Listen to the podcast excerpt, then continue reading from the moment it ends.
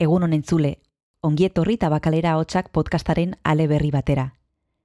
Bi garai, bi emakume eta bi artista izango dira gaur gure podcastaren ardatza. Artearen ari finetik lotu dira tabakalerako erakusketaretoan eta dilindan zintzilikatuko gara bien artean. Pertsonak eta beren egoera bitala interpretatu eta inspirazio iturri zuen enmakuntzen unibertsoan barneratuko gara eta nora aurroekotxe artista bizkaitarrak kunz medio egin duen lanaz hitze eingo digu. Emakuntzen lana erakutzi da ja desente, e, nazioarte mailan egia da e, estatu mailan sekula ez dela bere lana horrela erakusketa handi baten erakutzi eta iruditzen zitzaigun oso proposa zela beti ere gure apostua delako emakuntz solasean jartzea artista garaikideekin. E, nahi baldin baduzu era profesional batera batetatik artean jardun edo edo arte izatea zure lanbide bakarra eta honek implikauten da ekonomiko kibe bai zu sustengatzea, ba artearenak ez diran logika batzu jarritu behar duzu. Ez dakit, jar, da gozela orokorrean e, sistema, artearen sistema dagoela gehiago montauta alde administratibo batetatik artearen logikatik edo artisten beharretatik baino, ez?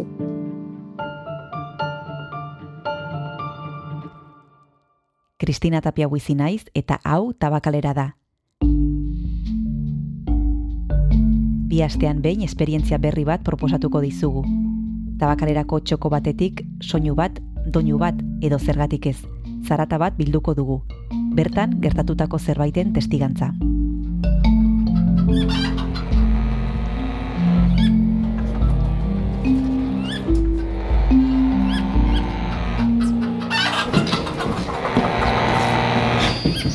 Gaur, bi bi aktibidadiak e, erakusketakin binkulatutakoak. E, Jone Alaitzuri arte, tabakalerako arte garaikideko lantaldeko kideak zabaldu dizkigu enmakuntz artistaren erakusketako ateak. Eta zaldu digu nor den. Enmakuntz da, e, bueno, san, ikerlari eta eta sendarile bat, batik bat. Eta bera, mila sortzi deun da laro eta mairugarren urtean zuitzan jaio zan, argobiako kantoia, eta ba, Osa, sendatzen jenteari laguntzen pasazuen bere, bere bizitza osoa. Garrantzitsua da esatia, bera bere bizitzan zehar sekulatzuela bere burua artistatzat hartu. Osa, bera sendagia za, naturopata eta ikertzaia. Eta marrazkiak erabiltzen zituen jentea sendatzeko tresna, tresna gisa.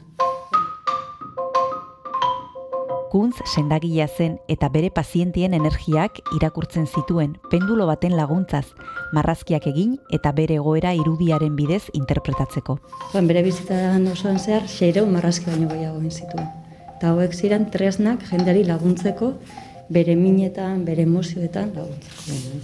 Pendulak bi bola, bi bola dauzka, jadezko bola bat eta zilarrezko bola bat eta segun e, pazienteek egiten zioten kontsultaren arabera, hau da, e, osasun arazoekin erlazionatutako kontsulta bat baldin bazen, zilarrezko bola erabiltzen zuen irakurketa egiteko. Aldiz, emozioekin binkulatutako kontsulta bat baldin bazen, jadeko jadezko bola erabiltzen zuen. Zendagile bazan, bai. Bai, bai, zendagile bazan. Paper milimetratuan egindako irudi geometrikoak dira, izarrak, borobilak, triangelu eta erronboak, koloreak non nahi. Geixenak e, nahiko formatu handikoak dira, eta fijatzen bagara e, guztiak da egin da paper milimetratuaren gainean. Metodo radiostesiko horrek esaten zion zelan egin marrazki hauek. Orduan marrazkiak ez daukatez izenbururik, ez daukatez datarik ere. Oso informazio gutxi, oza, ia ezer ez dago marrazki hauen inguruan. Zirrara eragiten du marrazki misteriotsuok begiratu eta bakoitzean atzean pertsona baten bizitza dagoela pentsatzeak. Tristurak, pozak, harremanak, arazoak eta konponbideak.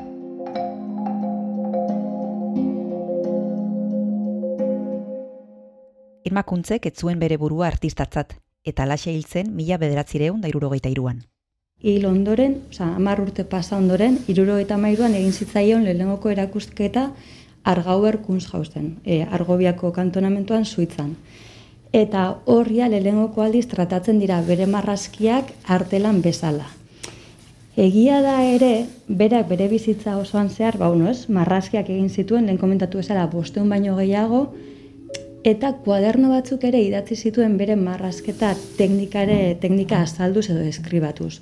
Orduan, bueno, berak ere jakin basekin egiten zuela berezia zala eta hor bazegoela zerbait gehiago atzean. Batez ere, e, forman baino nik uste dut e, bere kasuen interesgarria dela artea erabiltzen zuela oso zentzu holistikoan. Eta hori da benetan interesantea, ez? zer da artea? Bueno, ba, artea kasunetan da disiplina bat oso harremanetan dagoela naturarekin, animista, eh, animistikarekin, esoterismoarekin, ez? Ezagutza ezberdinak bat egiten dute artean. Orduan hori da hasi dana interesatzen emakuntzen. Osea, marrazkiak bai, ederrak dira, interesgarriak dira, baina berak zeran ulertzen zuen artea zentzu zabalean hori da interesgarria dana baita ere berak apurtzen duela pixkat binomioa zer dan artea eta zer ez dan artea, ez? Askotan gabitz, hau artea da, ez da artea. Bueno, ba, berak pixkat muga horrek lausotzen ditu bere artearen bitartez. Hori da pixkat interesatzen zaigune. Baina tabakalerak enmakuntz ezagutzera emateaz gainera, haren eragina eta ondarea ere jasona izan ditu hiru artista garaikideri obra bana egiteko gonbita luzatuz. Enmakuntz guri asko interesatzen zitzaigun, ba bueno, ere em, artearen genealogia feminista baten ba, bueno, aldarrikatu beharreko figura badela uste dugulako, eta influentzia handia izan duelako bere ikuspegi holistiko horregatik e, artista garaikide gazteetan. Orduan esan dugu, bueno, ba, ekartzen dugu tabakaleara eta guk tabakalean egin duguna da e, hiru artista e, hiru artista gonbidatu, bertako artistak erakusketa honetan txertatu ditugunak. Orduan, argau erren ama artista garaikidek hartu zuten parte eta orain hemen ama sortzi ditugu. Jo, ba, mm, egia zen, e, eneban bere lana ezagutzen, eneban bere figura ezagutzen, e, jone, jone gaztopo egin arte. Erakusketarako espreski obra bat egin duen artistetako bat, nora aurrekotxe artista bizkaitarra da. Hor bai, hasi nintzala kuskuse hauten, eta gombitea gerotxuago heldu iaten.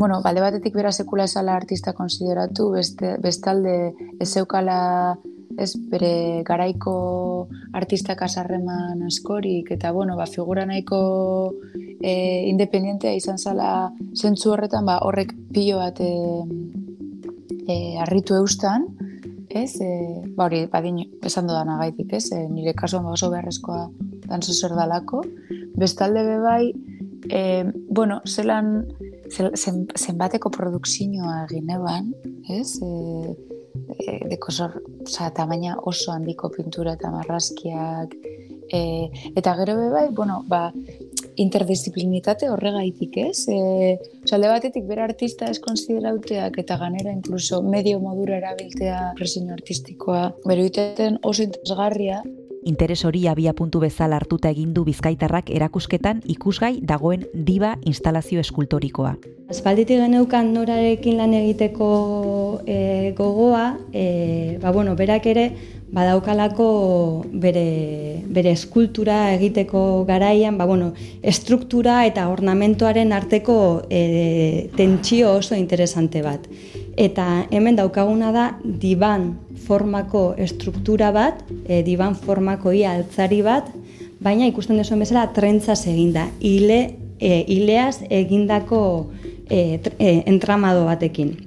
Azeginean e, norarekin e, kontaktuan, enmakuntzen lana elkarrekin ikusten, berak oso argi zeukan e, errepikatzen zitzaion ezaugarri bat zala e, enmakuntzen marrazkitan e, entramado tekstil bat ikusten zuela. Ez? Agian e, paper milimetratuagatik edo egiten dituen marrazkigatik oso, oso trama e, tekstila ikusten zuen berak. Euna ze, e, e, eginda egongo balitz bezala. Orduan, hortik, ideia hortatik, e, ilea erabiltzera, erabiltzera egin zuen jauzi, eta e, hemen trentzak erabiltzen ditu. Begiratzen badotzezu bere marrazki eta eta eta margolanei dagoz pila bat ari, ez? Donik ariak ikusten ebasan, ez? E, badagor penduloagaz egiten da bezen e, marra horrek e, bata bestearen gainean ganera eta bueno, ba niri gogoratuten ustan euntze baten e, gestora, ez? E, Nora aurroko etxea artista da eta artista gisa eramaten du etxera eguneroko ogia. E, nahi baldin baduzu era profesional batera batetatik edo baten e, arte, artean jardun edo edo artea izatea zure lanbide bakarra eta honek implikauten da ekonomiko kibe bai sustengatzea e, ba, artearenak ez diran logika batzu jarritu behar duzu, zau da, instituzioen ritmoak, e, dala bori erakusketak, noiz oso gitxetan abizauten zaitu denpora askogaz, e, zaintzak be askotan ez dira emoten, e, bai, ba, ez laguntzak eta eskatuteko orain gauzak aldatutzen da, bez apurtxu bat, ez? Baina normalean, bueno, ba, epela burrak emoten dira, e, deialdi jarraituak egon beharrean. E, ez dakit, jar, guztio dago orokorrean, e, sistema, artearen sistema dagoela gehiago montauta alde administratibo batetatik, artearen logikatik edo artisten beharretatik baino, ez? Eta bai, nik uste dut oso beharrezkoa dela, bueno, ba, lasaitasun batetatik lan egitea, e, hombre, dan hori torten jaku ondo e, datak eta ukitea, ez? Ba, bizkat pilak ipinteko, baina hortik e, gaur egun dekogun ritmora, ba, badago tarte handia dago, bai.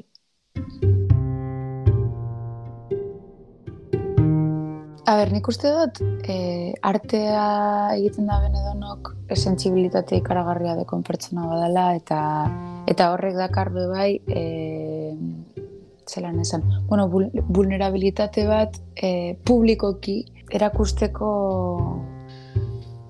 beharra, ez? E, ze, bueno, gure praktika era oso pribatuan emoten da orokorrean, eta gehienetan be bai, era nahiko bakartian, eta batean estremore garoten gara, ez? Dekogu kriston atentzinoa eta era publikoan orkesten zara ez zu bakarri baizik eta zure lana eta horre bai eresgarria litzateke hitz egitea ze harreman ez du edo ez ematen dan e, pertsona eta pertsona horrek egiten da lanaren artean, ez? Askotan asko zentrauten gara artistaren irudian eta sorrun beste lan, lanean.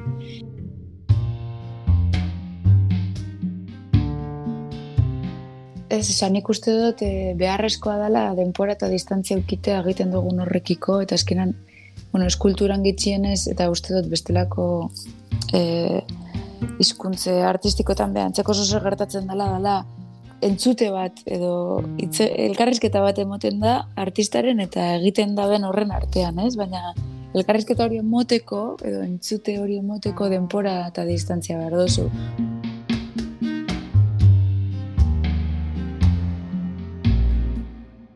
Enmakuntz eta nora aurroko etxearen arteko elkarrizketa artistikoaz gainera, amaika dira erakusketaren inguruan antolatutako ekimenak. Erakusketa urtarriaren hogeita sortzen zabaldu genuen eta e, ekainaren amazortzir arte egongo da ikusgai eta bosti hilabete hauetan ba, bueno, programa publiko oso aberatza diseinatu dugu. E, erakusketan parte hartzen duten artista konbidatu ditu, adibidez Miriam Isasi etorriko da hitzaldi bat ematera, eta Joaquin Koester artista danesa ere etorriko da pixka bere lanaren inguruan hitz egitera, bere filmografia erakustera. E, Lars Van Larsen, komisario eta arte kritikalaria, e, egun Danimarkan lan egiten duena ere, gonbidatu dugu emakuntzen inguruko hitzaldi bat ematera. E, berak oso artikulu interesgarria idatzi zuen emakuntzen katalogorako, eta, eta bueno, e, praktika e, arte alternatiboaren inguruko e, bueno, entxegu eta saiakerak idatzi ditu eta horren arira gonbidatu dugu. Ekainan Txus Martinez etorriko da, Txus Martinez e, Baseleko Unibertsitateko e, zuzendaria da, e, bueno, oso komisaria nazioartean oso, oso ezaguna dena, eta berak ere konferentzia bat emango du erakusketa honen arira. Hau izan da guztia entzule. Entzun duzuna tabakalerako txoko batean grabatua izan da eta aurrerantzean ere karriko ditugu soinu, doinu eta zarata gehiago. Gogoratu podcasta entzungai duzula tabakaleraren webgunean eta zure audio plataforma kutxunean. Gustatu baldima zaizu arpidetu eta gomendatu lagun eta zenidei. Urrengo atalera arte entzule.